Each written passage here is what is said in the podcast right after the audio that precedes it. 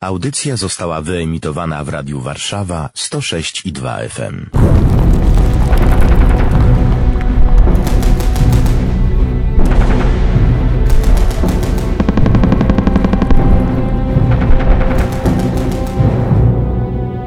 Warszawa pamięta!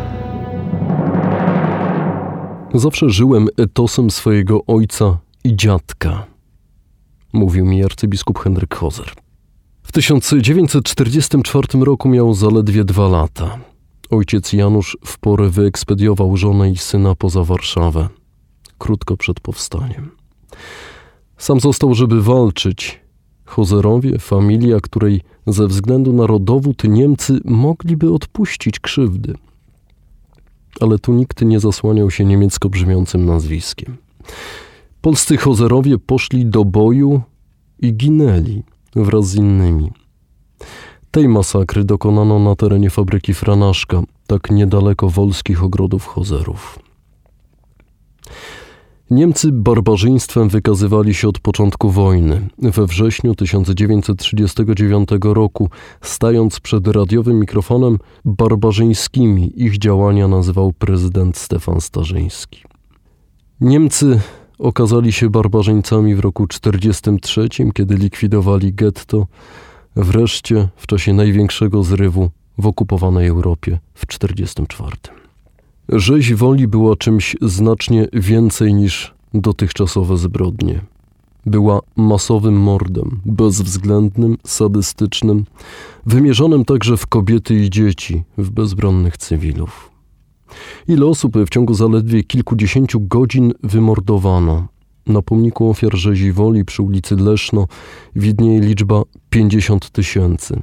Jest to wartość szacunkowa. Zbrodni dokonywali przeważnie niemieccy kryminaliści, kłusownicy, mordercy, gwałciciele. Wszyscy mieli jednak wypełniać rozkaz Himmlera. Jak zeznawał w Norymberdze Ernst Rode, Warszawa miała być zrównana z ziemią, a Oskar Dirlewanger, osobiście odpowiedzialny za masakry na woli, posiadał wszelkie pełnomocnictwa i był upoważniony zabijać kogo chce, według swego upodobania. Na Ochocie tego dnia powstaje obóz Zieleniak. Ci, których siepacze Kamińskiego nie pomordowali, byli odsyłani do obozu. Do wieczora 5 sierpnia trafiło tam nawet kilkanaście tysięcy warszawiaków. Zwracam się do pana doktora Bartosza Łukaszewskiego, socjologa, badacza powstania warszawskiego. Panie doktorze, zbrodnie na Ochocie i na Woli, potem także między innymi na Powiślu, należą do najczarniejszych obrazów tej wojny.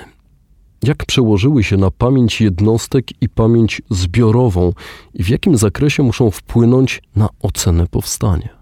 Zbrodnie na Ochocie i Woli to niewątpliwie niemała część z 200 tysięcy ofiar cywilnych w czasie 63 dni największego miejskiego powstania w historii XX wieku. Pułapki myślenia historycznego zachęcają nas do ferowania wyroków, ale przypomnijmy, że generał Tadeusz Burkomorowski nie poinformował o nadchodzącym powstaniu nawet własnej żony.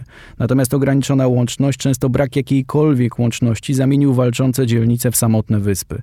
Stąd też relacje walczących na Starym Mieście, którzy po wyjściu z kanału zupełnie nie rozumieli sytuacji śródmiejskiej, czy też specyficzna sytuacja oddziałów żoliborskich i wszystkich oddziałów pierwszego rejonu siódmego obwodu obroży Armii Krajowej, które formowały następnie wraz z szeregiem innych jednostek grupę Campinos. Celowo odnoszę się do sytuacji żołnierzy z prawej strony Wisły. Dzisiaj, nawet jeśli są to godziny szczytu, nawet w okolicach godziny 16 przejeżdżamy z jednej strony Wisły na drugą w maksymalnie 60 minut. Ówcześnie było to możliwe wpław pod ostrzałem, a świadomość zbrodni była świadomością terenu, na którym zbrodni dokonywano. Nie była to świadomość ogólna, świadomość ogólnomiejska. Podział jest dość jasny. Jeśli w pamięci przeważają powstańcze Wiktorie, wtedy ocena pozostaje pozytywną. Jeśli jednak przeważa rzeź woli i rzeź ochoty, aczkolwiek bardzo często była to wiedza która rzeczywiście dopiero po powstaniu przedostawała się do żołnierzy batalionów, wtedy w kierunku dowództwa kierowane są oskarżenia. Bardzo dziękuję. Zadanie publiczne jest współfinansowane ze środków otrzymanych od Ministra Obrony Narodowej.